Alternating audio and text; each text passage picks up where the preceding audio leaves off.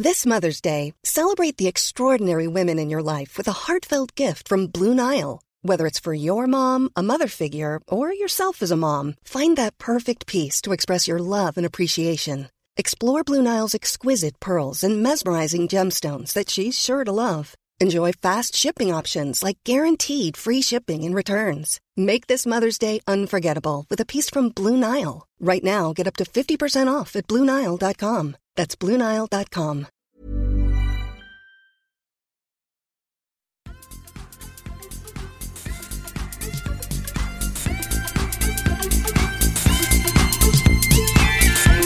I veckans avsnitt av Kedja ut så ger vi er det mesta som ni kommer kunna behöva inför och under det kommande världsmästerskapet i discgolf.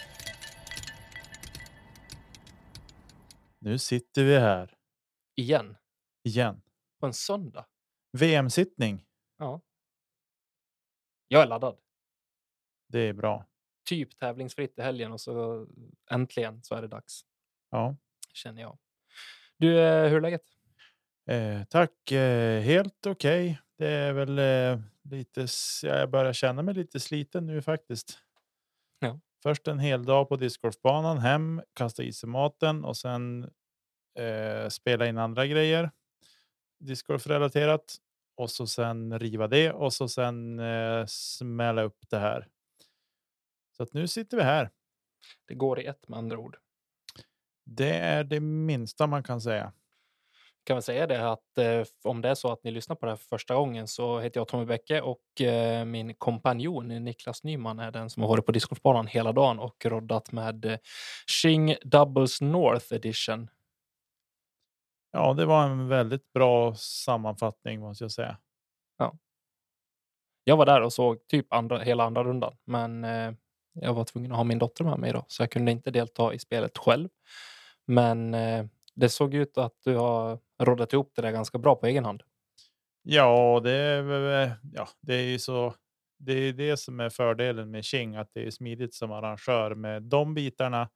Det är väl lite mer kanske med andra bitar Mm. som inte är som är utanför King så att säga som och fixa med. Men eh, nej, men det tuffar på. Det har löst sig bra och eh, nej, jag är skitnöjd med dagen. tycker det ska vara. Inte bara att rodda ihop det där, utan eh, det har vi fått höra från andra TDs vi haft med som gäster på den tidigare också. Mm. Men vi ska inte prata så mycket om det, utan vi ska ge oss in i det här med eh, världsmästerskapen som börjar nu och vi ska prata lite grann om banorna. Vi ska ge er spelarna och dess form. Vi ska tippa och så går vi in lite grann på en eh, svensk eh, special här inför VM också. Men eh, till att börja med så spelades ju en, en dubbel, en VM-dubbel igår, lördag. Ja, det gjorde det. Hur, hur gick det där? Ja, jag har ju bara sett sociala medier och följt det som har hänt där och eh, vad jag kunde förstå så var det Macy Veledias och Calvin Heimburgare som tog hem segern där i mixed doubles. Mm. Tätt följda av eh, Stacey Ronsley och Aaron Gossage på en andra plats och eh, eller ja, delad andra plats tillsammans med Jennifer Allen och Drew Gibson. Intressant par måste jag säga. Mm. Helt klart. Var det några storfräsare som var med? Så alltså typ, Eh. var Page med eller? Eh, nej, men vi kan väl ta Gannon Burr och Missy Gannon slutade på en fjärde plats. Eh, och eh, Valerie Mandiano spelade med eh, sin eh, sämre hälft, Mason Ford, och tog en femte plats. Men det är väl det. Tatar och Silver kom på en delad sjunde plats med en drös andra spelare, bland annat Kevin Jones och Evelina Salonen. Så inga pallplatser för kanske de förväntande pallplatserna i individuella VM. Nej, Vi får väl se. vi får väl se. Ja. Jag tänker att vi lämnar eh, dubben och eh, ger oss in i det som komma skall. Det tycker jag absolut att vi gör. Jag tänker att vi ska börja med egentligen bara ren lite in, ja, information, lite generellt. Ja. Och, eh, vi eh, ska bege oss till Emporia, Kansas, och, som egentligen är discgolfens huvudstad om man frågar jänkarna. Eller om man frågar de lokala stjärnorna där i alla fall. Eh, de var inte blyga i eh, sin eh, commercial inför att eh, välkomna alla spelare och eh, funktionärer och så vidare till discgolfens huvudstad. Men eh, jag är väl typ beredd på att skriva under på det, för det är en, eh, en tight community på den, i den lilla staden. Ja. Det är ju lite speciellt upplägg. Eh, Eller speciellt, det är ett, eh, ja, ett speciellt upplägg. Hur, hur ser det ut? Jo, men det ser väl ut som följande att eh, spelarna är uppdelade i fyra poler. MPO A och B och FPO C och D. Eh, förra årets vinnare i Ogden, Utah var James Conrad efter särspel mot Paul Macbeth- mot Paul Macbeth. Eller han blev vinnare då efter särspel mot Paul och Katrina Allen som besegrade Page Pierce på det sista håret. Eh, pool A och C, det är de högst ratade i vardera klass då, i MPO och FPO. Och eh, där börjar resan på countryklubben. Och sen spelar de på Jones Supreme dag två. Countryklubben dag tre, Jones Supreme dag fyra och sen spelas ju då finalrundan på countryklubben för MPO och FPO. Och sen är det väl vice versa för de andra polerna som jag förstår det. Precis, och jag tänker väl att det är ju inte svinmånga spelare kanske som det är att eh, ha koll på i pool B versus D, eller B och D, om man jämför med A och C. Då. Nej. Utan eh, det mesta kommer väl ske kring de som faktiskt eh, är högst ratade. Ja, exakt. Och eh, dessutom så är det lite speciellt det här med att det är en katt. Och då är det i MPO så är det alla spelare på plats 90 och uppåt. Eller 90 spelare och alla ties då som är på 90 som tar sig vidare till finalrundan. Och i FPO så är det 32 spelare plus ties då. Om det är fyra spelare på 32 så då eh, ja, går de vidare så att säga. Och det är även där som 90 är även cashline för, för MPO och i 32 för FPO. Då, där. Det Och stämmer. brytgränsen för pengarna så att säga. Eh, vi har ju, om man bara ska snabbt scrolla igenom här med pool A och B så går i, eh, i MPO då, så går eh, om man säger katten vid en rating på 1004 där det är några stycken som spelar i eh, pool A och eh, några stycken spelar i pool B. Och det finns faktiskt några namn som är värda att lägga på minnet här som spelar pool B. Det är bland annat Tristan Tanner, Noah Mindsma och eh, även Nick Carl spelar där. Kikar vi på den europeiska sidan så har vi Silver Lett, Oskar Wikström bland annat som är i B-divisionen. Vi har även några svenskar i form av Henrik Hagman och även Max, va? Hittar inte han bara för det. Nej, Max spelar i pool A. Han har spelat upp sin rating till 1006. Mm. Så han hittar vi där. I eh, FPO så går eh, katten då vill säga på 951 och sen är det ett ganska stort hopp ner till 907 där pool D börjar. Och eh, nej, det är väl igen på förhand är det väl ingen som ska ha med toppen att göra som spelar i pool D eh, om man ska vara helt ärlig. De eh, som har stuckit upp och gjort det bra är väl egentligen Erika Stinchcomp som kanske finns, har ett namn att ha med sig. Mm. På dem. I övrigt så är de samlade i pool C allihopa. Just det. Ja, spännande ska det bli som bara den och följa det här. Eh, jag vet inte, ska vi kasta oss in på banorna här lite grann eller vad, vad det säger tycker du? jag. Den klassiska Emporia Country Club som har haft lite olika utformningar genom åren. Yes. eh, där vi då kan. Ja, vi kan gå igenom. Hål 1 har ju varit kanske det hål som har fått mest förändringar tycker jag genom, eh, eller inte mest, men som har fått en hel del förändringar sedan jag började följa discgolfen skarpt för ett par år sedan. Eh, men det är en otroligt klassisk bana måste vi säga. Och eh, den här banan har vi då fått se på både GBO och nuvarande DDO. Och den är designad av Eric McCabe som vann VM 2010. Och den spelas på par 66 för MPO och då är banan 3346 meter lång och par 69 och 2962 meter lång för FPO. Blandat här också eh, kortare, eller de har benämnt det som long pin och short pin. Eh, där FPO spelar short pin, men det kan också vara en kortare tidplacering till samma korg till exempel. Så det är lite blandat Mm. eh, på båda banorna ska säga. Just det. Eh, Eftersom att eh, tävlingen kommer avslutas på Country Club så kommer det att ske ett eventuellt särspel här och då spelas eh, hål 16, 17 och 18 på repeat tills vi har en vinnare. Mm. Eh, och det är väl egentligen de tre av de tuffaste avslutningshålen eh, på touren. Det törs jag nog sticka ut hakan och haka på om faktiskt. Och eh, speciellt kanske i en sån eventuell eh, ja, pressad situation som eh, det kan bli. Ja. På det. Men eh, i övrigt så, du var inne på det lite grann med hål 1, eh, som är ett hål att kanske lägga märke till. Ett eh, bra starthål, eh, ska jag säga. Mm. Eh, lång par femma, bred fairway. Stora hindret är väl egentligen OB på både höger och vänstersidan och sen en golf green för MPO-spelarna strax före korg. Mm. Eh, definitivt igelbar för storarmarna. Den har varit det, eller den har varit lättare tidigare. Så att säga. Mm. Nu, om de nu spelar samma dragning som vi har sett eh, på DDO så flyttar de i fjol. Var det i fjol eller om det var? Jo, det var väl i fjol. Där de flyttat korgen och gjort hål, banan längre eller hålet längre. Så att det var inte riktigt lika lätt. Det var väl typ 280 meters kast man nästan Mm. skulle behöva göra för att liksom ligga i cirkeln. Och eh, så att den är igelbar, helt klart. Men jag tror inte vi kommer att få se så många eagles på, på den. Om det inte är någon Ja. som verkligen vill jaga ikapp, då kanske vi kommer att hitta ett par. Jag tror vi kan få se en eh, throw-in, åtminstone under eh, sista rundan. Ja, vi får hoppas det. Det hade varit kul att se. Det hade varit väldigt kul att se.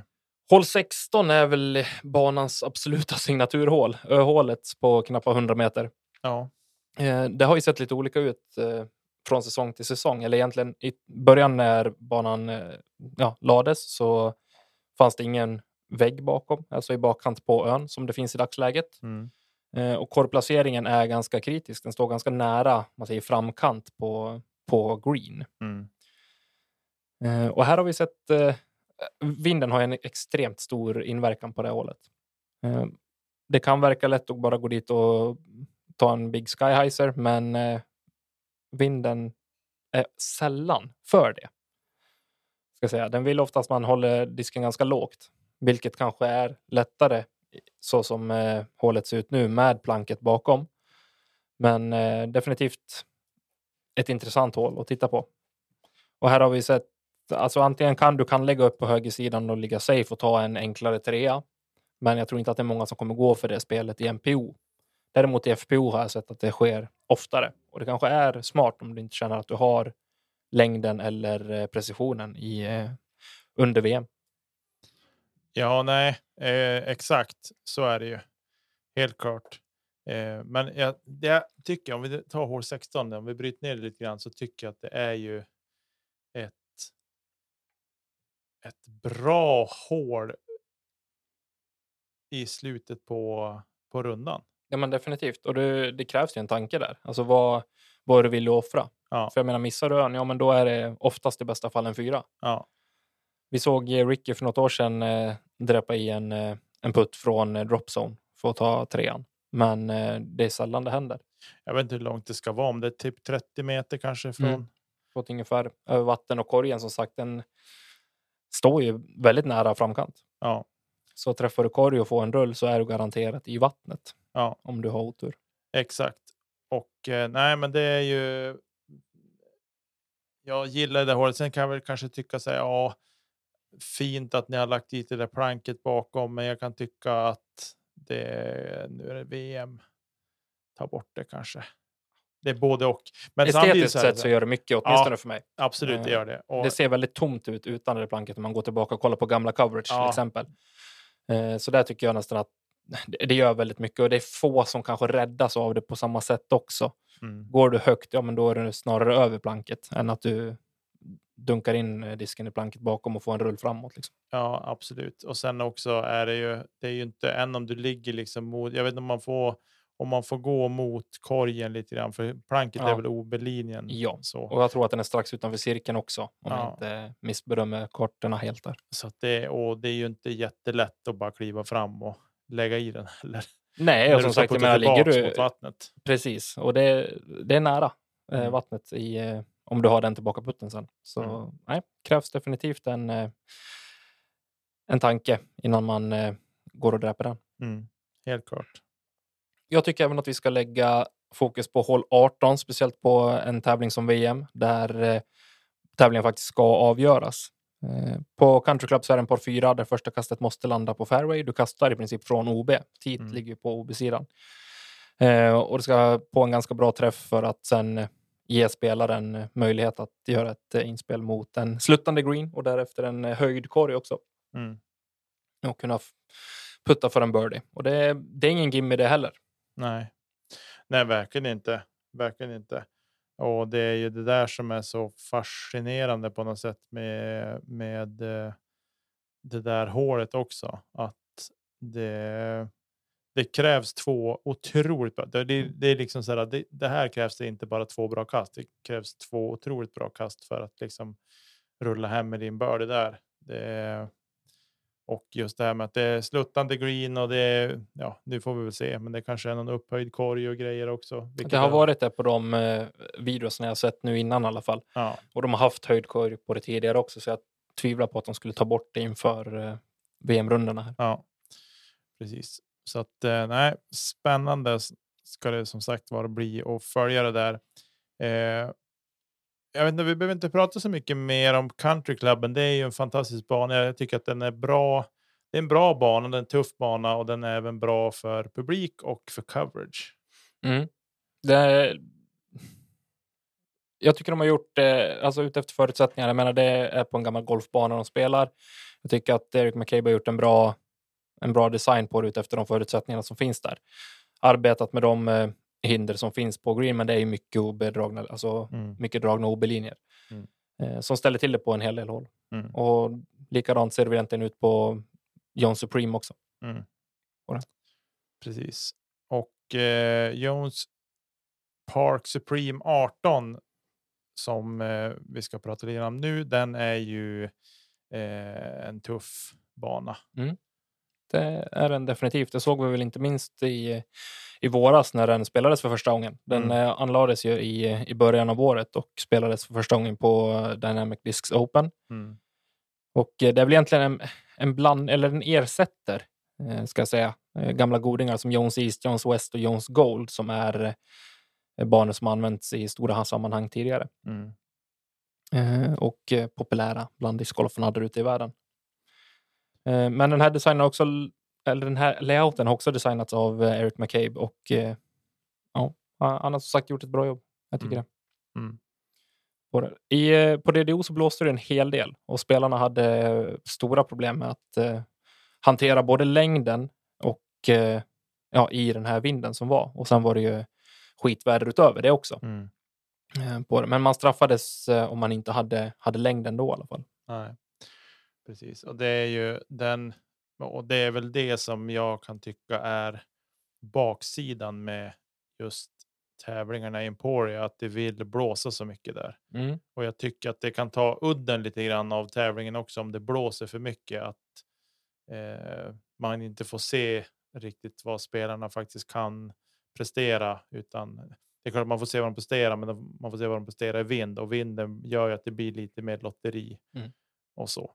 Så att, eh, Jag skulle säga det var ju extrem, extrema scener på Mm. DDO tidigare i våras. Och eh, nu under VM så verkar det vara hettan eh, som eh, är det största problemet och inte vinden. Mm. Eh, det är väldigt fuktigt, väldigt varmt. Så ja, vi får se hur de tacklar det helt enkelt. Mm. Eh, FBO spelar John Supreme på en par 67. 2787 meter lång och MPO spelar en 300, 3234 meter lång par 65.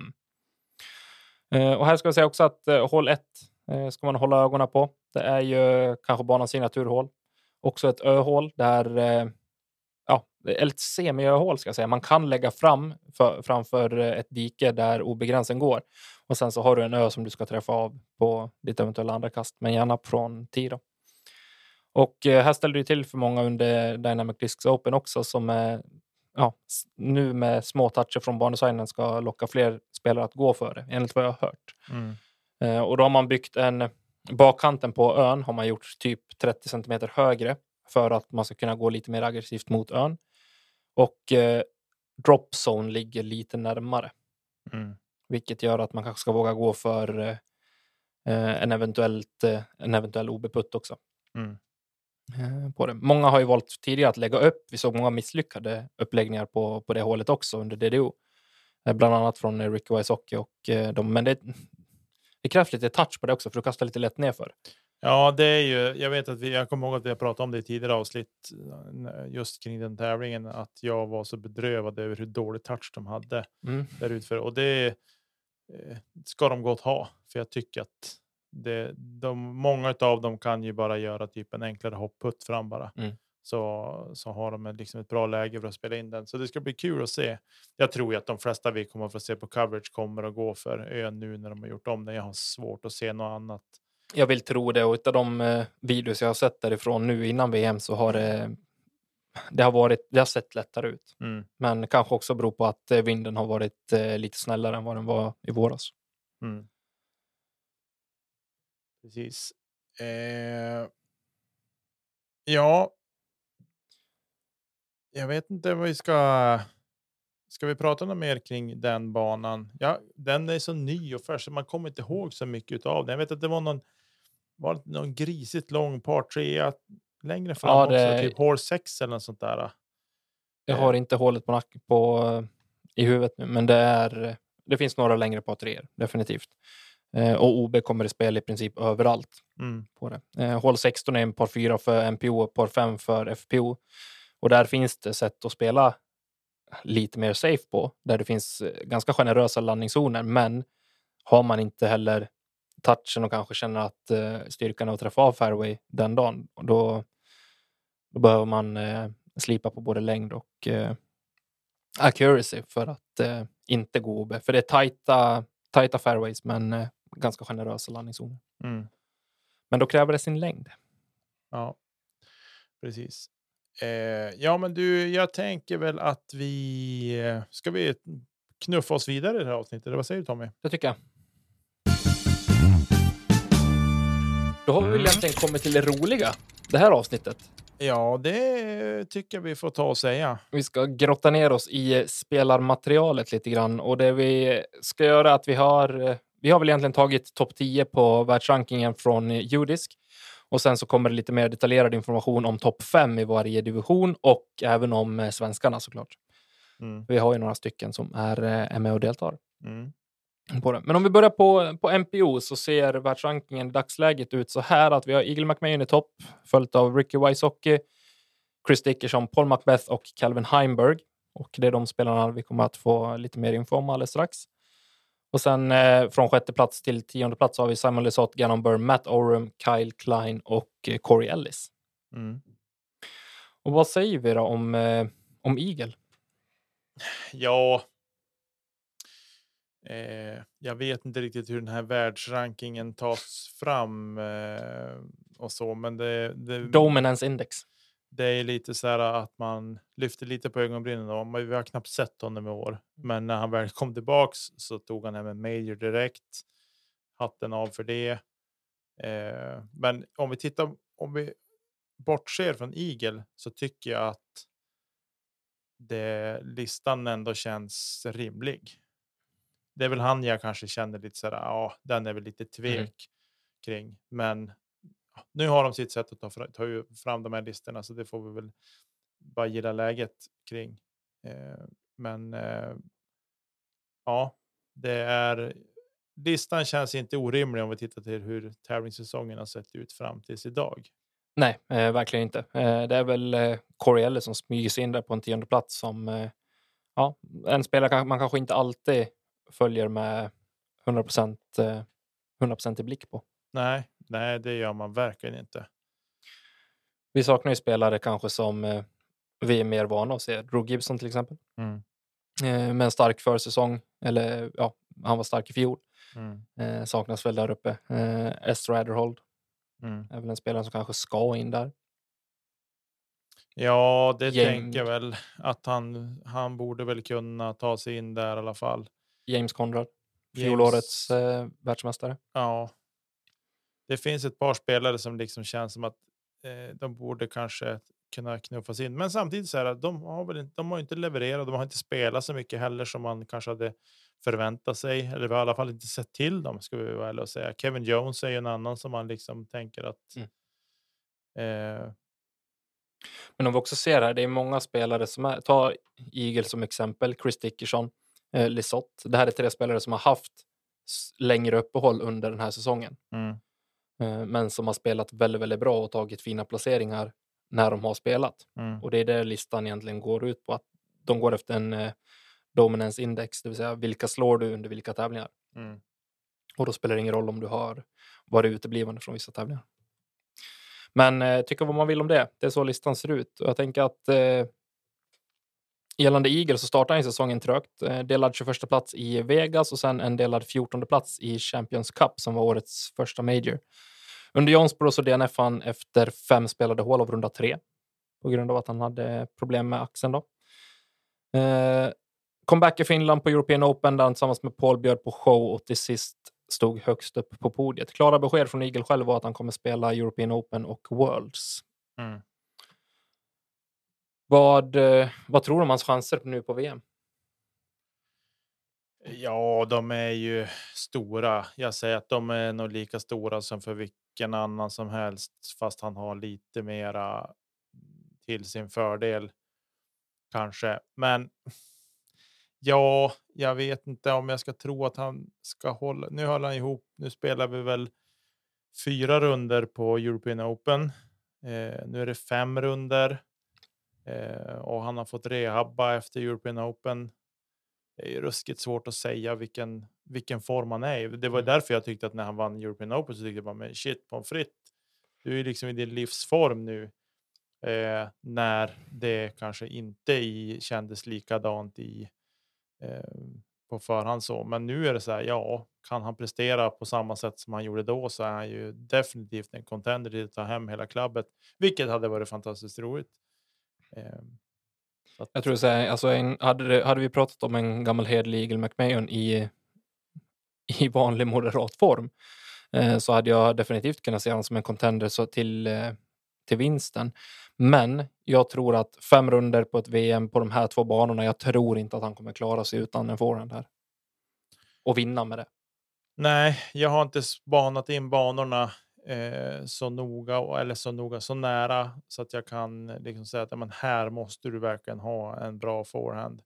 Men vad vet vi? Han kanske kan.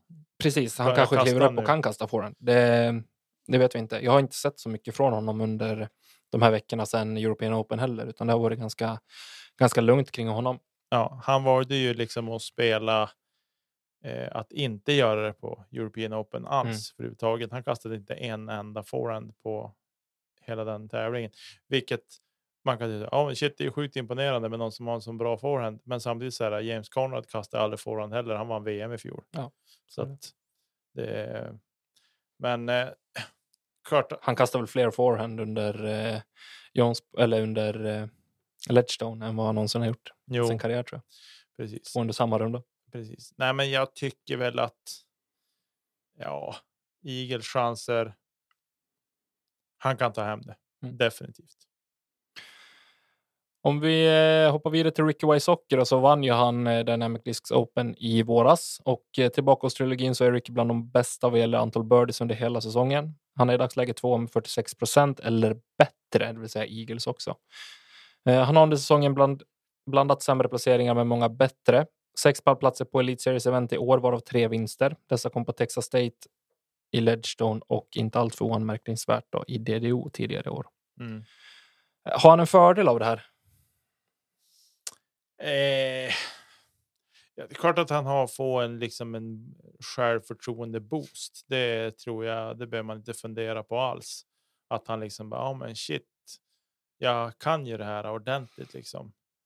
Eh, så det tror jag nog att han har fått liksom en ordentlig kick av det. Men. Eh, mm, jag vet inte. Det är, en ny, det är en helt ny tävling. Det vet du själv liksom om man bara jämfört mot en kvällsdisk. Jo, Hur jo. man kan svaja och fara där. Kan gå 10 under kvällen innan och morgonen efter. Då är man där och går Ja. 14 över. Det är ingen... Precis. Så att nja, fördel självförtroendemässigt absolut fördel för honom. Eh, sen övrigt tävlingsmässigt, nej, jag tror att det är en ny tävling och de är, de är på en sån nivå alla spelarna som gör att det inte. Det är mera att det är hans, att han får en kick av det, att han har vunnit här tidigare. Det är vad jag tror kring det. Jag tror att han eh, mentalt sett så är han redo för att ta en eh, till världsmästartitel. Det är väl där jag ser den största, största motiveringen till att han faktiskt ska vinna den här tävlingen. Mm. Och att han är tillbaka i Dynamic Land. Ja, precis. Och han har ju. Han har ju många följare också, alltså som för, på ute på Mm, banorna. Han absolut. har en stor skara fans som verkligen hurrar för honom och vill liksom att han ska få spela bra. Eh, så att jag. Nej, jag tror på på honom, men jag tror inte att han räcker hela vägen. Chris Dickerson då, han spelar också med ny plast under eh, 2022 och har sin styrka det här året i fairway hits 77 procent. Då är han femma på eh, DGPT. Eh, Chris har haft längre paus under mittsäsongen men tog segern i årets första Major Champions Cup. I övrigt så är det Silver Series dominans och eh, enligt mig själv så är det väl kanske världens bästa spelare som aldrig vinner. Är han Foppa menar du? Ja, men lite så. Men frågan är om det blir ändring på det den här veckan. Eh, ja, vad ska jag svara där? Kanske. Han har absolut chansen, men jag, jag, jag tycker inte att de här banorna riktigt passar Dickerson. Men det är jag. Han slutade åtta på DDO Mm, Och det, det är väl kanske inte en placering som är imponerande om man ska vara med och slåss om en världsmästartitel på samma bana. Det ska jag inte sticka under stol med. Men samtidigt så vet vi att eh, Chris Dickerson har en otroligt hög högsta nivå. Eh, Jag saknar väl bara hans jämnhet i år som jag såg eh, under tiden han spelade med Prodigy. ja, precis. Det har varit lite mer upp och ner, men samtidigt så här. Frågan är om det är plasten eller om det är honom bara. Nej, jag tror alltså eh, att att byta plast. Hade jag valt någon spelare som skulle byta plast och det inte skulle påverka så mycket, då hade jag valt Chris Dickerson. Mm. Eh, Så där tror jag inte alls att problemet ligger. Eh, Jag hoppas att han är tillräckligt sugen och att han får en bra start för hans egen skull. För jag tror att det är det som krävs för att han ska vara med och slåss om det i slutet. Mm. Ja, nej, han. Jag tror. Jag kan sträcka mig till att sätta honom topp fem. Ja, vi får väl se. Vi ska tippa lite längre fram här. Eh, vi går vidare till Paul Macbeth och med endast en enda vinst den här säsongen så har han väl inte lyckats skrapa ihop eh, enligt honom själv tre eller fyra bra runder för att det ska ge en vinst. Utan eh, den vinsten han tog den kom på Wake och det var hans första tävling den här säsongen. Mm. Mr Major visade definitivt prov på McBeast Mode under European Open men föll till sist som tidigare nämnd i, mot tidigare nämnd Eagle McMahon. För många missade möjligheter till birdie har straffat honom hittills detta år. Kan han koka ihop det bästa han har nu under Worlds? Alltså, det är ju. Det här är ju hans typ av tävling när det faktiskt finns någonting som kan liksom föra honom vidare i historien och eh, nej, han går inte att räkna bort. Det så är det bara. Nej. Han är topp två tror jag. På VM i år. 51 på DDO. Mm. Bottennapp. Ja, ett riktigt rejält bottennapp. Alltså det är nog. Var, var inte det typ första gången han missade cash? Typ något sånt. Något sånt. Eh, Jag är inte lika övertygad den här gången när- det gäller Paul. Jag vet hur mycket han brinner för Majors, jag vet hur mycket han brinner för Worlds och att det är i princip det enda någonting som betyder någonting. Får han välja en tävling och vinna, då väljer han Worlds. Men som sagt, det, det krävs att han sätter ihop fyra eller fem bra runder för att han ska ha chans på det. För det, som sagt, det finns så många andra bra spelare där ute och någon underdog kommer att eh, slå till med sin eh, bästa vecka någonsin. Mm. Och då kan han inte spela fyra bra runder och en halvdassig. Nej, nej, så är det ju. Eh, men jag tror det, det är just det som jag samtidigt tror kan tala för Paul att om vi säger att han spelar spelar Paul bra första rundan och går ut i ledning säger vi till runda två och sen Mm. har han en dassig runda två. Att han då ändå vet, har, vet med sig att ja, men jag har tre till runder på mig att prestera. Det är det som jag tror talar till hans fördel på ett annat sätt än många andra just för att han har den mentala kapaciteten. Det såg vi också lite senast nu under Des Moines. Eh, att han spelade väl sådär första rundan. Okej, Mm. det var speciella omständigheter under den tävlingen, men han eh, drar ihop en runda två som heter duga. Och sen så vill han gå för en runda tre, men han får det inte att klicka. Nej. Det är där jag ser att ja, händer det under VM, då är det tack och hej.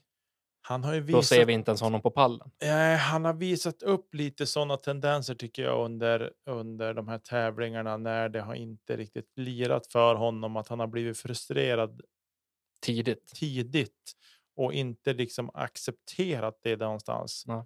Och det tror jag är hans stora nackdel att han eh, faller på det. Alltså att det är det som ja, sabbar för honom att han han låter det mentala spela mot honom. Eh, och det är klart att när han då liksom ser andra spelare som kommer fram och spelar riktigt bra golf. Det är klart att det blir en frustration för honom eh, i det där. Men just att jag tycker att hans. Hans frustration har blivit för. Den har tagit över för mycket. Mm. Jag, eh, ja, det ska bli intressant att se. Jag, jag som sagt har en jättehög osäkerhet på Paul Macbeth inför det här mästerskapet. Mm. Eh, Jag brukar vara ganska säker på saker när det gäller majors och större tävlingar vad gäller honom. Men eh, nej, den här veckan vet jag inte. Jag, eh, nej, jag vågar inte säga någonting. Det kan hända vad som helst kring honom. Mm. Nej, jag, jag tror att han är topp två. Om vi hoppar vidare till nummer fem på världsrankingen så är det Calvin Heimbergs tur och han har väl inte stuckit ut någonstans egentligen i någon statistik, varken åt ena eller- andra hållet i år. Eh, jämna prestationer så har han skrapat upp två Elite Series-vinster på Jonesboro och Diglow. Med tre ytterligare pallplatser så kom han senast från en delad 35 plats i Des Moines. Mm. Vart står Calvin Heimberg i, eh, inför VM? Ja, det är det som är så svårt med honom att han. Han är ju lika lätt att läsa av som hans känsloyttringar. Alltså, de, är, de går inte liksom så här. När man har sett honom liksom bli nöjd någon gång. Så här, han vart ju mest. Alltså det, det roligaste med honom är när just på VM i fjol när Konrad kastade i den på 18. Att han ser ut som en fågelholk bara liksom bara. Aha, han kunde visa någon sorts uttryck när, han, när det händer någonting liksom. Eh, nej, han är jättesvår. Han kan gå hem och vinna. Han kan ta hem hela tävlingen, hela VM, bli världsmästare. Jag skulle Eh, ju hoppas att han vinner bara för att få se om det händer någonting med honom. Alltså om han typ vrålar eller om han bara tar det, går hem och liksom, nej men det är tävling nästa vecka igen. lite försiktigt så här bara lyfter handen bara. Tack, Mm. tack. Typ. Han har ju en världsmästartitel nu. Från i lördags. Ja, i mixed. Eh, ja, nej, han. Det som är. Det som är. För mig är det det som talar att han inte kommer vinna. Nej, men det som är spännande med Calvin är just det här att han är. Man vet inte vart man har honom. Det spelar ingen roll om man har vunnit tre tävlingar i rad. Då tänker man sig inför fjärde. Ja, men han kanske kan vara lite mätt nu och så nej, vinner han igen. Mm. Alltså det är det som är. Man vet inte riktigt vart man har honom någonstans och det gör ju att han är så svår placerad. Men jag tänker så här. Han vinner eller så blir han nia. Han, alltså för mig är Calvin en spelare som är... Är han på, då är han verkligen på. Har han sin puttning, ja men då är han hundraprocentig. Då missar han inte en putt. Sätter han sina drives, ja men då är de på fairway och ingen annanstans. Och är det någonting som inte klickar, ja men då, då ser vi dem inte i topp 10. Mm. Så det är som verkligen, hittar han en fin form och hittar han liksom the mode varje runda, då kommer han att vinna. Mm. Men jag har svårt att säga att det händer under fem runder. Ja. Jag är Eh, skeptisk till alla spel. vem vinner då? ja, det kommer vi till sen. Facit. Till facit ja. Nej, men det är ju väldigt svårt att, att, att säga någonting om, om eh, just kring honom. Ja, ja. Nej, ett eller nio. Är det är ändå bra. Kan inte du ta oss igenom eh, svenskfolket som vi har skickat över Atlanten på en eh, liten båt? Ja du. Linus Karlsson, han har ju varit där borta, kom hem och spelade lite grann i Sverige och sen åkte över tillbaks igen då, och sen är i USA nu. Och eh, ja. Ny plast för säsongen och vi har haft stora förväntningar på honom. Eh, och eh, det är ju på gott och ont, tänker jag. Men jag hoppas ju att Linus ska spela sin absolut bästa golf nu. Under säsongen så är väl egentligen Beaver State Fling en eh, Silver Series hans, eh, hans bästa prestation resultatmässigt, Mm. ska sägas. Eh, och slutade då på en sjätte plats efter att ha spelat lead card sista rundan. Mm. Men jag, ja. Jag är lite så här, må- många kanske trodde också när han kom hem och spelade SM att, det skulle, att han skulle promenera hem den segern. Mm. Riktigt så blev det inte. Han slutade på en sjätte plats. Mm. Han spelade upp sig, ska vi säga. Väldigt mycket Mm. på, på SM. Ja, tung första runda. Väldigt tung första runda. Eh, men eh, Jag tror på en fin prestation eh, av Linus under, under VM. ja, jag, jag sticker ut hakan och säger att Linus kommer vara topp 30 Mm. på VM. Där är jag beredd att, att hålla med. Och så. Han, det, var, det skulle inte alls, vara- alls vara konstigt om han eh, placerar sig där. han hamnade eh, placeringen bakom Paul Macbeth på DDO Mm. sist. Eh, på 52 plats. Men jag sticker ut hakan. Jag tror att han Linus har den tävlingsskallen. Jag tror att i år så just det här med SM så tror jag att det liksom allt det här resandet, bo borta och hela det liksom inte har någon riktigt tryggt, trygg hemmamiljö så där i USA. Jag vet inte hur de har bott i USA, men eh, jag tänker att det, det är nog en stor skillnad mot för ja, men, oss tävla på hemmaplan. Man Mm. kan åka hem, man har någonstans att landa. ja, han- men eh, det tror jag också, just resandet tror jag på, alltså, det påverkar mer än vad man kan tro. ja, dels vad gäller jetlags, men också vet vi att i USA så är det väldigt långa sträckor att ta sig mellan tävlingarna. Det är ju det. Alltså det vi tänker liksom att när man säger ja, nu ska de åka dit. Så här, ja, men det är husbil. eh, Köra husbil i 15 timmar. Mhm. Så här, innan man är framme. Och Det det är är som liksom, att vi skulle tävla i Helsingborg varje helg och Ja. åka hem emellan. Ja, precis. Lite så. Eh, så det, och det är klart att har man ställt in sig på det där livet så, så är det väl lite lättare. Men, men det är inte bara ett med det så att säga. Det är många som flyger, tar hyrbil. Liksom, det är nog inget, de lever nog inget billigt liv heller under säsong ska vi säga. Nej, men jag, ja, topp 30 är definitivt med och skriva under på. Eh, kan han hitta, alltså fylla till det här extra egentligen i, i varje del av sitt spel. Sätter han sina drives, kan han putta innanför cirkeln framför allt och liksom höjer sina stats ytterligare några procent.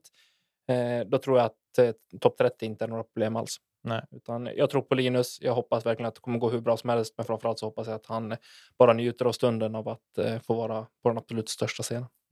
Det tror jag också. Och hoppas såklart att han ska få prestera på sin högsta nivå. Vi går vidare med Max då. Rejetnig. Och han har gjort Linus sällskap egentligen på touren under hela säsongen och blixtrade till rejält när han tog hot round under runda två på Port- Portland Open. Mm.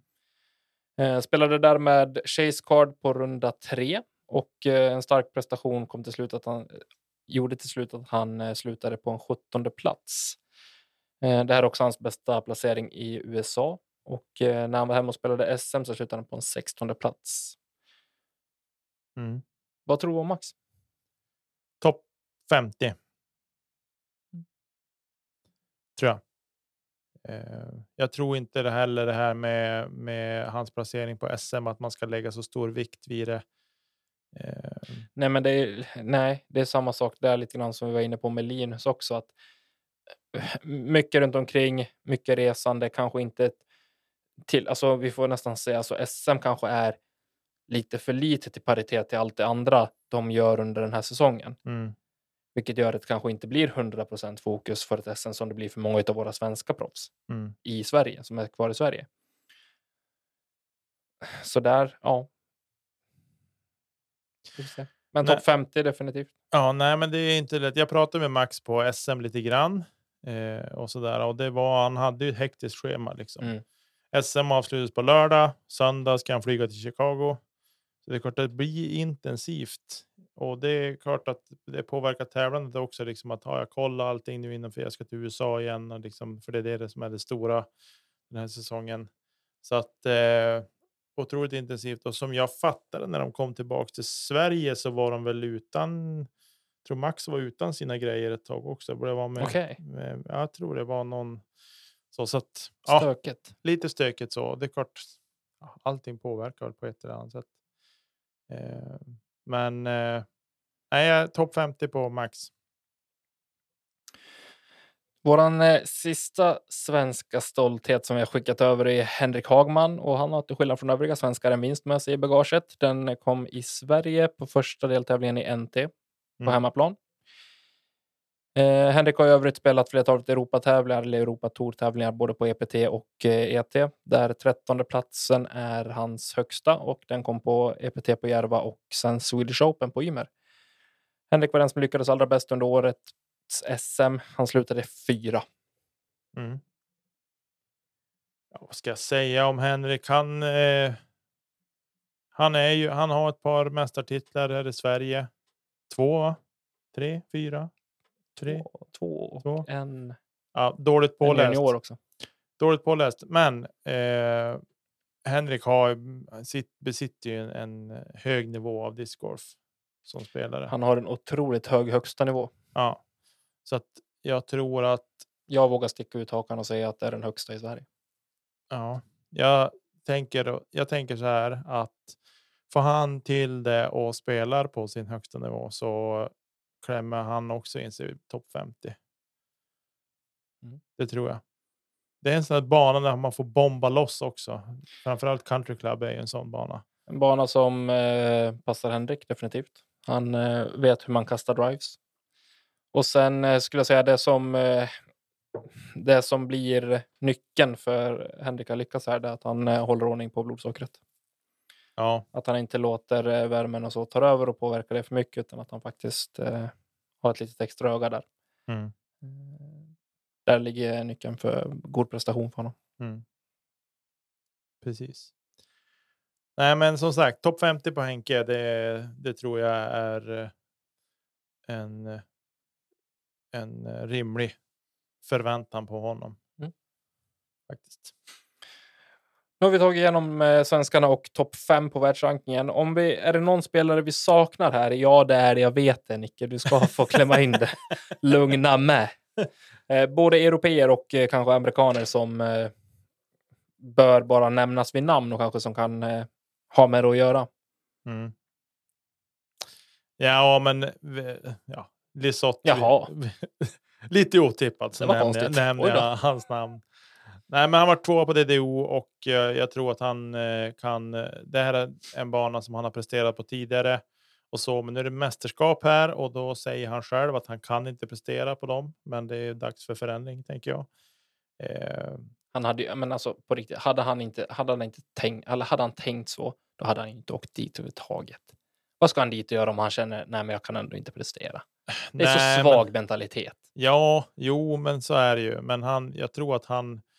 Eh, han kan ju tycka att ja, men jag spelar väldigt bra, men jag fick inte med mig scoren. Ja, Det Nej. brukar jag alltid tycka. det är ju en skön känsla att, bära med sig, tänker jag. Nej, men eh, Lisotte i alla fall och sen. Han Gannon kommer ju med en vinst i ryggen. Ja, han har en vinst i ryggen precis från Des Moines och dessutom en särspelsvinst. Så det är klart att det bygger självförtroende och att han puttade väldigt bra. Eh, men jag tänker vi rullar vidare då tittar vi på Gannon Burr. Nej, han är för ung. Han, han håller inte ihop det mentalt. Han kommer hamna bättre än uh, Lisotte. Sticker ut hakan och säger det.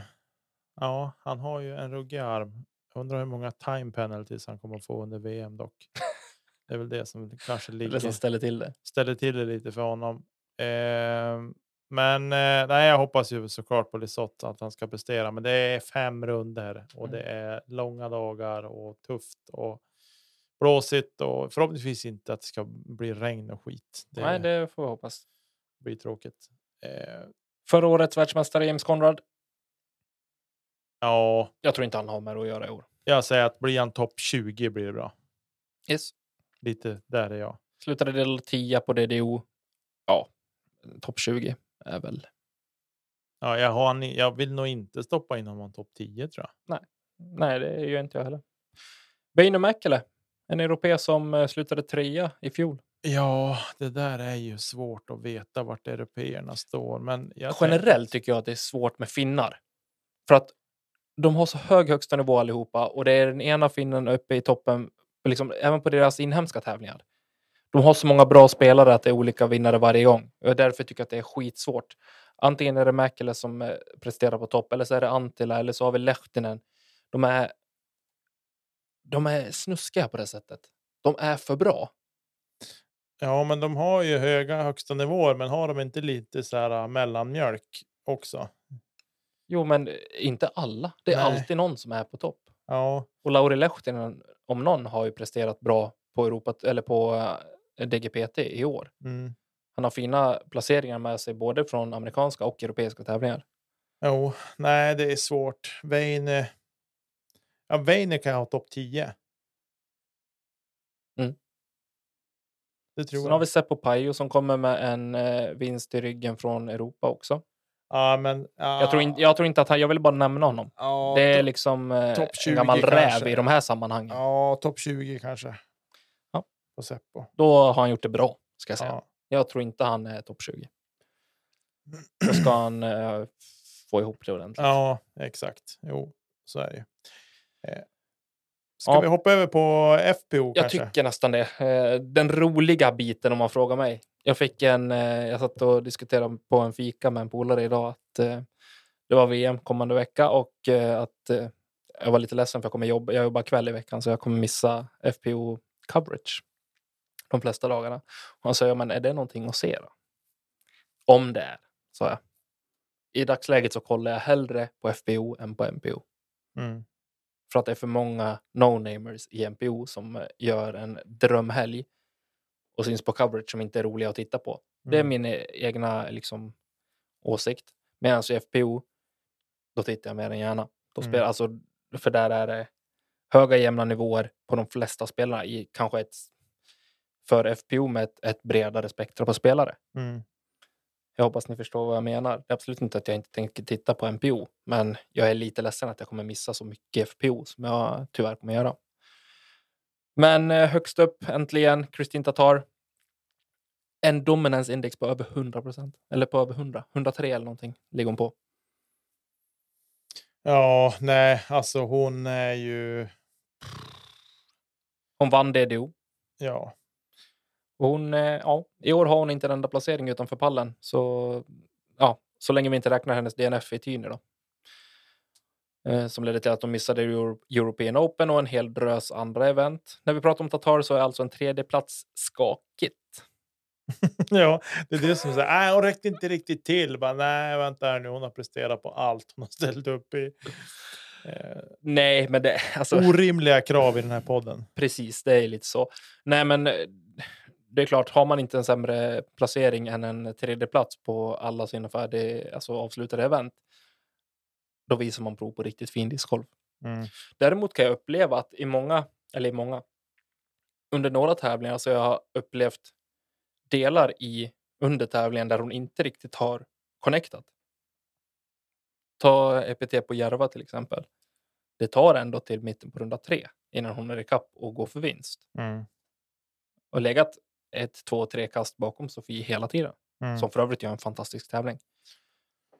Ja, eh, nej, men alltså jag tycker det här DNFen, den var ju liksom av, på grund av skada, så den tycker jag inte riktigt man kan, man kan räkna. För hon har inte spelat färdigt tävlingen. Så Nej, att nej, den, nej, absolut inte. Den tycker jag inte vi ska räkna. Men det är det, Kristina är så fruktansvärt bra och hon är ju det är lite så här, man får lite Page-vibbar på henne. Som Page var för ett och två år sedan. Liksom, när hon Och som vann spelare, men verkligen inte som person. Nej, nej, nej, nej, nej, nej, nej, verkligen inte. Men som spelare. Och jag tycker, jag, jag har faktiskt Page all ära och VM och hela den biten. Men alltså spelar Kristin på sin högsta nivå så är hon bättre än Page. Ja, det är absolut. Så att jag, jag ser inget annat än att det kommer att bli ett VM-guld till Estland. Hon eh, vann DDO. Jag tror att med eh, både rutin, disciplin och hennes vinnarskalle så kommer hon göra det bra. Vart hon Mm. hamnar, det kommer vi till senare. Mm. Paige Pierce då, amerikanernas lilla baby som helt plötsligt inte längre dominerar discgolfen på de sidan. Fan, varför låter jag så nedlåtande när jag pratar om Paige Pierce? Det är inte hennes fel. Jag har ingenting emot Paige Pierce. Jag har en massa emot hur eh, folk eh, tror att hon, eh, det bara finns hon bara. Men ja, förlåt. Åter. Eh, hon har ju spelat fantastiskt fin discgolf på sistone. Mm. Eh, discgolfen på damsidan är bättre än någonsin och eh, tidigare så har Paige Pierce haft fokus på lite andra håll, Mm. både under fjol och när hon spelade in dokumentären som för övrigt är toppen. Eh, och även i år när hon liksom har tagit lite events off och sådär också. Men hon har ändå fyra vinster, Mm. varav en i ett tight battle med Evelina Salonen på European Open. Ja, och vad ska man säga där? Men hon Eh, går inte att räkna bort. Nej, hon går inte att räkna bort. Absolut inte. Jag har en starkare känsla på att Paige Pierce tar ett VM-guld än att Paul gör det. Ja, det är jag. Nej, ja. Det som talar emot Tatar är fem rundor. Paige Pierce, hon kan spela discgolf bra i fem runder. Ja, Det kan Tatar också göra. Men jag har nu svär jag i kyrkan, men jag tror att Page har lättare att prestera på topp under fem runder än vad Kristin har. ja, det är ju om det är någon blir någon ska, alltså att skadan sabbar för Kristin, tänker jag. Alltså det Precis, som- det, är lite dit jag vill. Eh, kommer hon att hålla Tatar där? Och kommer Page få, få Page rulle på det här och göra två första runder som eh, är extremt bra, oavsett om hon är två, tre kast före eller två, tre kast efter, så kommer hon fortfarande ha nos och kunna slå för vinst sen. Jo, så är det ju. Men jag tror att jag tror att vi kommer att kanske se en liten smygstart av Kristin. Mhm. Jag tror inte. Det är att min känsla också. Att det kommer inte att vara. Hon kanske går bara på. Hon kanske går på tredje kort efter första rundan. Alltså förstår du? Riktigt så lågt hoppas jag inte. att Nej, men alltså. Nej, men det kan ju vara bara att det skiljer två, tre kast till lead card. Men jag tänker att jag är inte förvånad om man ser henne liksom kanske i alla fall på chase card kanske efter första rundan. Mm. Och kanske efter andra rundan också, men att hon liksom håller jämna steg med ledaren och, och så. Men för jag tror att Kristin kommer att spara sig. Mar- Alltså, hon kommer hålla koll och spara sig och sen börja gasa mot slutet, liksom om hon ser att hon är. är om, men jag tror inte hon kommer släppa iväg det för långt heller. Nej, jag tror alltså funkar Page på från 10, då blir hon livsfarlig. Mm. För det är där jag ser att hon har haft lite glapp i sitt spel i år. Att hon har missat linjer. Hon har varit i salladen lite för mycket för att kunna konverta och ta sina birdies. Mm. Men ja, det kommer definitivt bli en tight fight och jag ser verkligen fram emot att, att följa den. Definitivt. Nej, men det ska bli otroligt kul att följa den där fighten. Eh, om vi rullar vidare och tittar på vad vi har mer då. Evelina Salonen. Som eh, verkligen hade ett tufft battle med, med Page på European Open. Yep. Eh, men hon, hon är ju verkligen discgolfens berg och dalbana. Jo, det. Värre än min blodsockerkurva.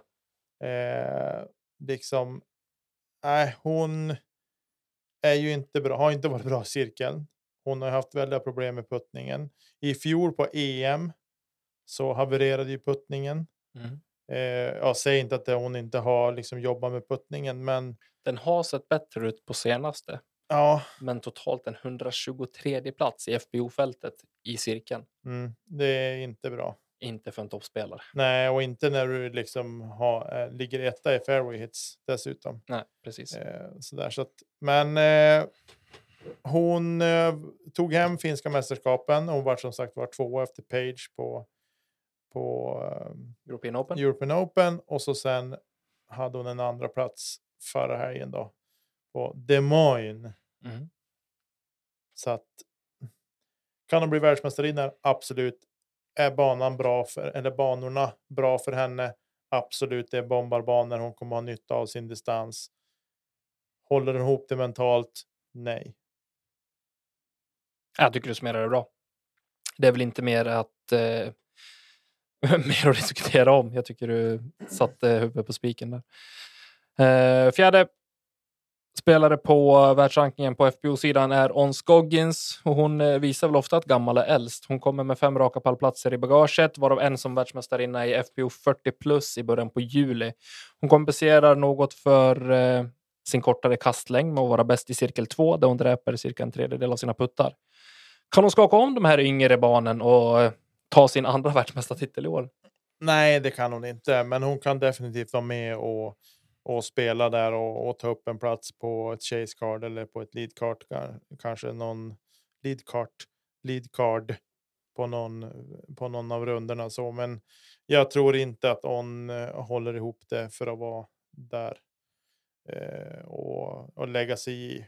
Det, det tror jag inte. Inte på den här typen av bana heller. Jag tror Mm. att hennes kastlängd, den Den kommer ta mer stryk än vad hon kan rädda upp. Ja, precis. Och om hon då försöker kasta längre än vad hon, vad hon liksom ska göra med sina golfdrivar, då kan det bli mer skada än, än bra utfall på det. Så att nej, hon är inte någon världsmästare i 2022 Mm. i FPO.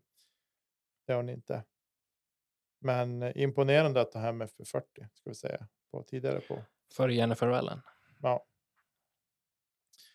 Eh, så att nej, hon har ingenting med det att göra. Jag vet inte vad du. Nej, nej, jag är väl eh, helt med där. Det är fler spelare som jag ser nu på förhand i alla fall ta placeringar före henne. Eh, om vi då tittar på Missy the Cannon Gannon. 16 plats på DDO. Ja. Jag tror att hon eh, topp 10, men det är, det är fel bana för henne. Vi ska säga så här innan vi går för långt. Hon har hon har fyra pallplatser under året. Men vi kommer in i en tid på året där Missy Gannon med fast i hand trivs ganska bra. Jag tror att VM kommer i perfekt timing för henne och hennes formtopp. Även om hon kanske inte överpresterar på Des Moines så tror jag att hon kanske hade lite fler tankar på Worlds än vad hon själv vågade erkänna där och då. Sen kommer det räcka till att ta en vinst. Nej, det gör det inte. Pallplats? Ja, absolut. Ja, kanske. Kanske inte. Kanske. Eh, jag tror att är hon topp fem får hon vara supernöjd. Alltså super, super, super nöjd. Topp 10 ska hon också vara väldigt nöjd med. Eh, där står jag. Men pallplats? Mm, ja. Ja. Det visar sig. Vi kommer väl inte längre här och nu. Nej, nej det, det gör vi inte. Vi, och som sagt, det här med tippning och sånt det är inte, har inte visat sig vara våran starka sida. Eller i alla fall inte min, ska jag säga. Nej, jag drog hem en 500 på Svenska Spel här i helgen som var. Men de var ju borta igen dagen efter. Eh, jag ska säga så här att vi har ju några spelare som kanske inte har blivit nämnda som vi ändå kan, kan ta och benämna här. Eh, bortsett från de topp fem så har vi Katrina Allen, Valerie Mandiano, Sarah Holcomb, Hailey King och Hanna Blomros. Från placering 6 till 10 på världsrankingen i år. Jag vill även, så långt som den här säsongen har gått nu, så vill jag peta in Kona Starpanis här. Kan hon få mirakel att ske? Kan himlen falla? kan hon ta en pallplats? Eh, ja, alltså jag tänkte på. Jag har tänkt på det. Hon, kan, hon har ju bra skjuts i armen. Och tänker att kan det här vara bana för henne och liksom nu när det är på Emporia. Dynamic Discs huvudkontor ligger i närheten. Ja. Men det är frågan om hon har hunnit jobba tillräckligt mycket med sin mentala coach för att få ordning på huvudet. Som Hon är... var bland de absolut sämsta på Dynamic Discs Open. Ja, precis. Och det är det jag tänker att vad, hennes minnen från den här tävlingen är kanske inte superroliga, men chans till revansch. Eh, intressant att du tar upp henne, men jag tänker att har hon ska hon klämma sig in topp 10 så har hon liksom gjort en jätteprestation i mina ögon. Enig. Eh, det är verkligen en super super prestation.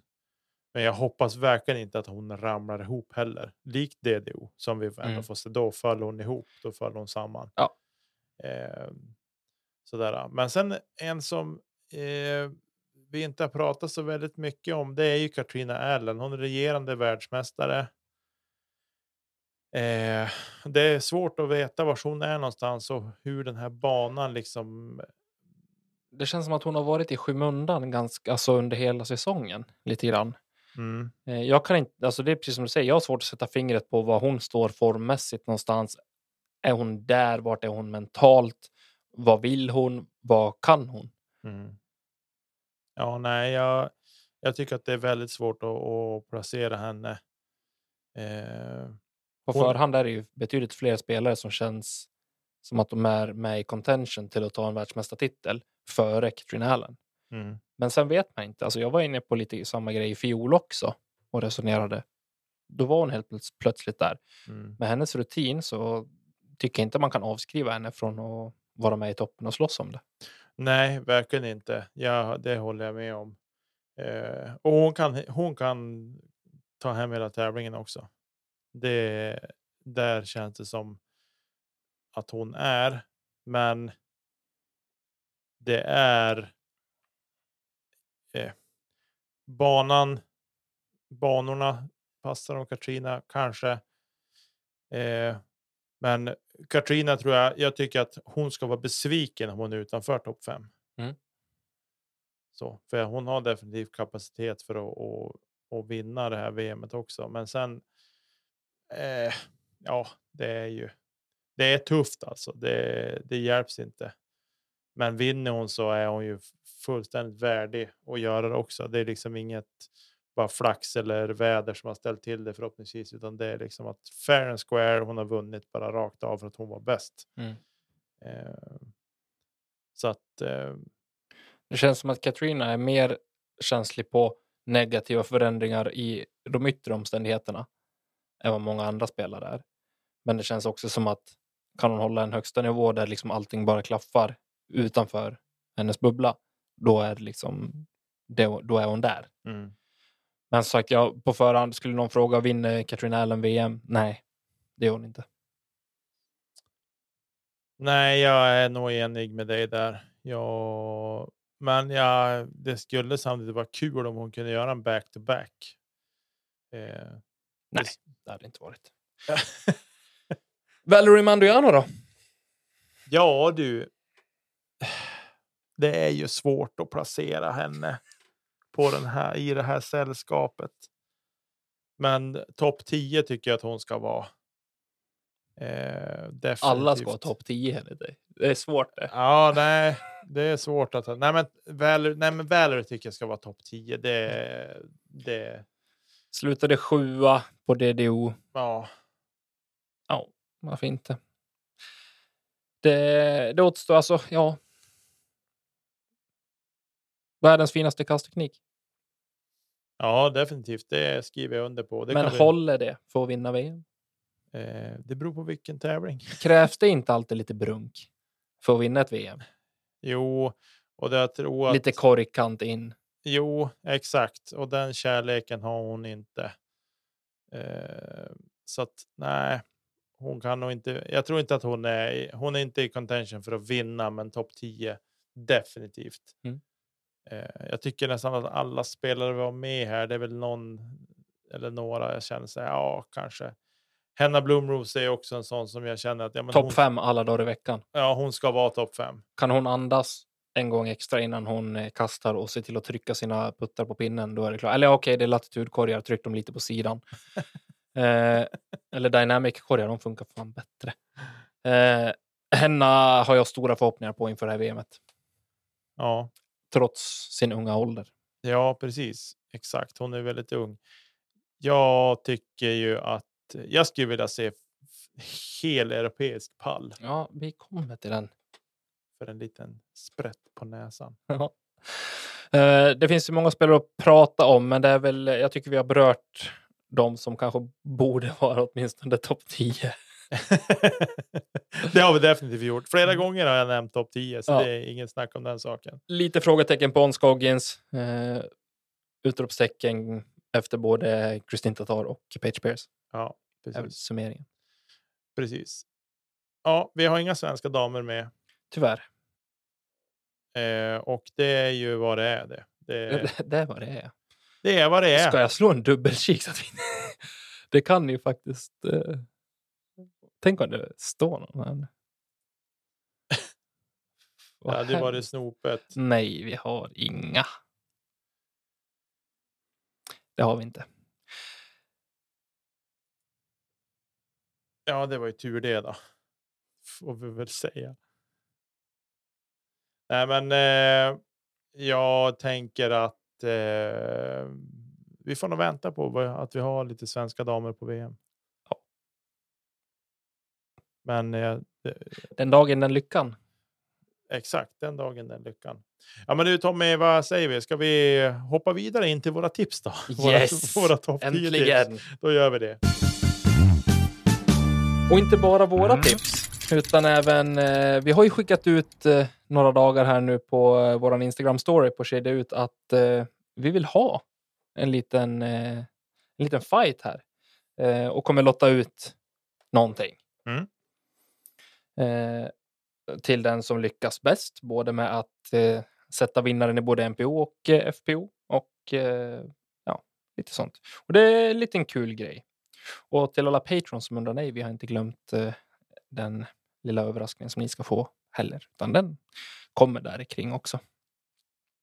Men det är mycket, mycket eh, Tatar är det. Det är lite Gannon Burr. Det är lite Page Pierce. Och, eh, men mycket, mycket, mycket Tatar. Och så står det Lisotte lite här och var också. Ja, ni är så snälla, mina lyssnare. Why Socket Tatar? Popular take är det någon som har hashtaggat också. Men eh, den intressantaste, mest intressanta kanske Tatar och Kevin Jones. Ja, verkligen. Och jag tycker att vi nämnde Kevin lite tidigare.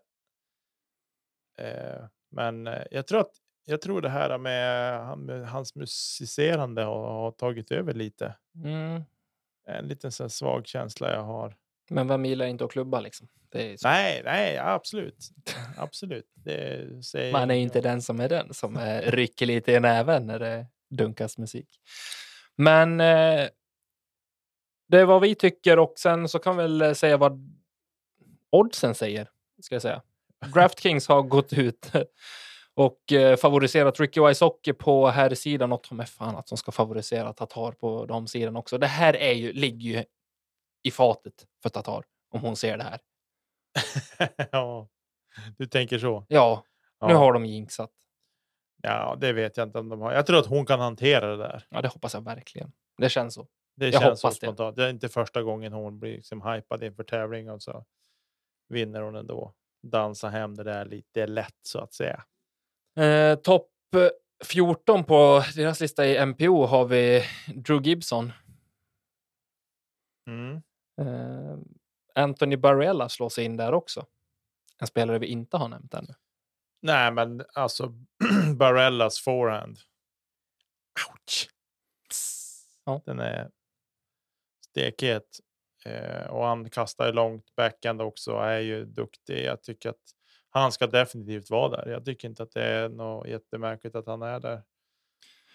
Samma odds har vi på Eagle McMahon, Calvin Heimberg och Paul Macbeth som är eh, de tre som är närmast Ricky Wysocki och sen eh, Lisotte Mm. är det ju. Så det är ju spelarna vi har pratat en hel del om. Mm. Eh, och på FPO-sidan så efter Tatar så är det Page Pierce, Katrin Allen, Missy Gannon och eh, Valerie Manduiano som är högst upp. Är förvånande ändå att eh, Salonen inte är närmare topptrion här.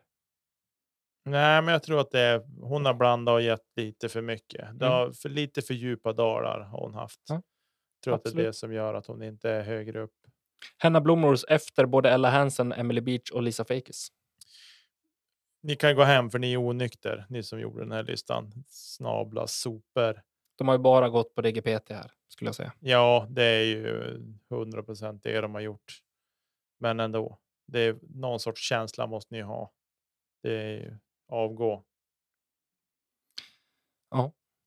Ska vi skämma ut oss då? Ja, jag kommer också få avgå. Så att det Etta FPO, Nicke. Kristin Tatar. Ta, Kristin Tatar. Tvåa FPO.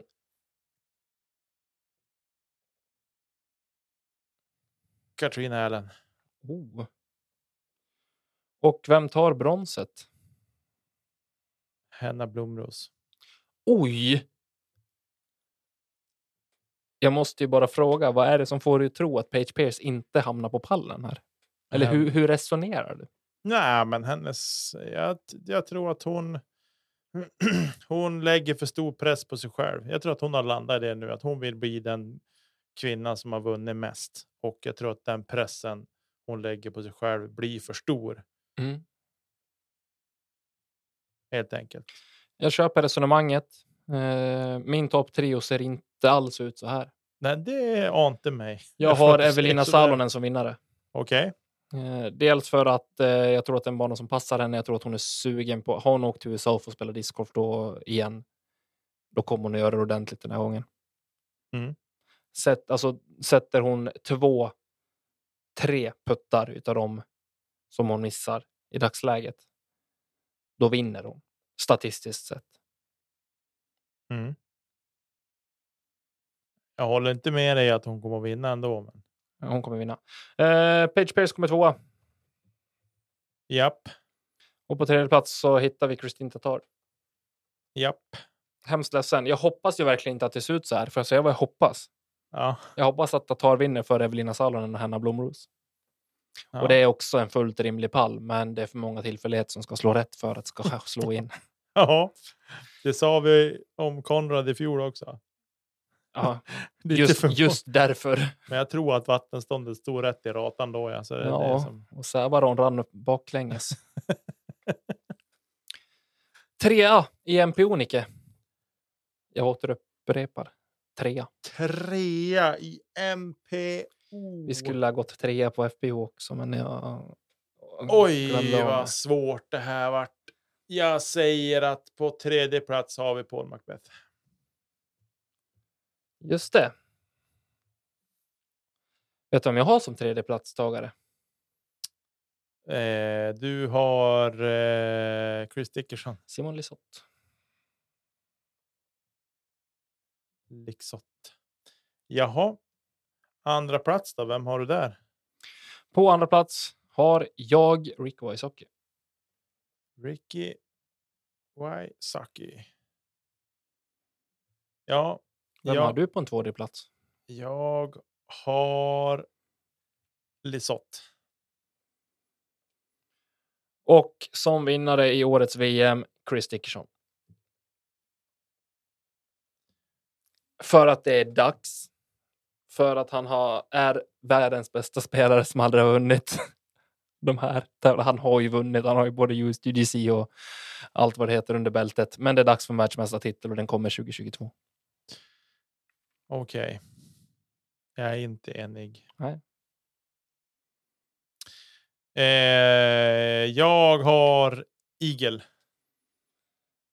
Det kommer inte att hända efter särspel mot Lisotte. med Paul. Lisotte missar ön. Eagle kastar Color Glow MD3. Lägger sig vid pinnen. Kasta tilt på mig då. Ta hem det. Eh, det hade ju varit mäktigt. och högst osannolikt. Men jag Förstår gillar... du att se ett så här spel mellan eh, Lisotte och McMahon? Ja, det hade varit sjukt. Och så ser vi Kyle Klein på en tredje plats. Vore räddningen för Jussi det. Nej, Nej. faktiskt inte. Nu ska vi hålla isär sakerna här. Det ska vi verkligen. Är det så att eh, ni vill eh, fortsätta trycka in era tips så gör det eh, fram till eh, typ måndag kväll. Då stänger vi igen den här eh, lilla rundan och eh, ja, man kan inte tippa efter de har börjat. Det går inte. Och nästa vecka annonserar vi vem som har eh, vunnit. Mm. Och är det två som har, eller fler som har samma vinnare så är det lottning som gäller. En helig gammal lottning. Mm. Och eh, då kommer vi även att eh, skicka ut eh, någonting till en av våra patrons. Så två giveaways i samma avsnitt. Mm. Du, du, du, du, du, du, du. Där kunde vi ha lagt in en jingel, men det gjorde vi inte. Ska vi, ska vi ta något mer i det här avsnittet här, känner vi? Vad ser du mest fram emot med världsmästerskapet? Sena, sena nätter Långa dagar. och lite sömn. nej, nej, men jag, jag ser väl fram emot att eh, det, jag hoppas det blir en rafflande tävling. Jag har så sjukt mycket annat den här veckan också, så att den här veckan kommer bara kommer att låta så är den förbi. Så att eh, ja, nej, jag ser mest fram emot och jag hoppas vi får se fruktansvärt bra discgolf av alla så att det blir liksom tight in på målsnöret. Jag vill inte se någon som går ut i ledning med 12 kast inför finalrundan. För det Nej, det vore så, det värsta. så otroligt tröttsamt. Så se till att hålla er. Är det någon som får gå ut med 12 kast ledning som jag kommer bara glädjas med i sådana fall. Då är det Paul Macbeth. Linus Karlsson. Ja, det, jag håller med. Jag trodde du skulle säga Lisotte. Nej, nej, han kan gott och väl. Han, Går Linus ut med 12 kast ledning, då kommer jag vara i Emporia på lördag och kolla finalrundan. Och det ska jag Ja. bli man för. bara boka flyg och åker. Nej. Nej, men eh, nej, jag hoppas det blir en tajt och bra tävling. Det är väl det jag hoppas. Grymt, då är vi två.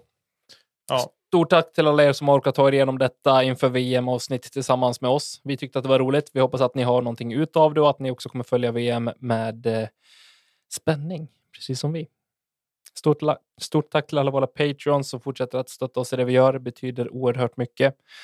Och är det så här nu inför på höstens kant att ni har önskemål på segment, ämnen eller annat som ni vill höra eller till och med se under off-season så mejla oss på kedjautsnabblagmail.com eller skicka ett DM på Instagram.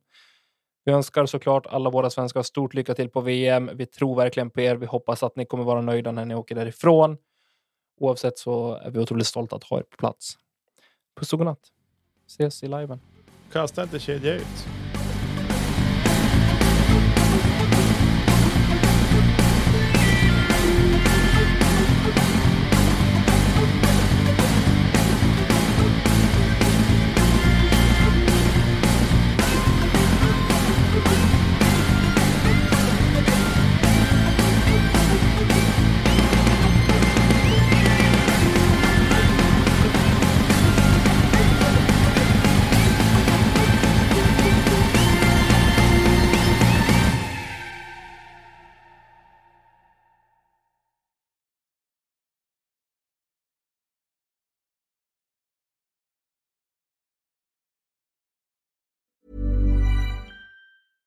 Hey, it's Paige DeSorbo from Giggly Squad. High quality fashion without the price tag. Say hello to Quince. I'm snagging high-end essentials like cozy cashmere sweaters, sleek leather jackets, fine jewelry, and so much more. With Quince being 50 to 80% less than similar brands. And they partner with factories that prioritize safe, ethical, and responsible manufacturing. I love that. Luxury quality within reach. Go to quince.com slash style to get free shipping and 365 day returns on your next order. Quince.com slash style.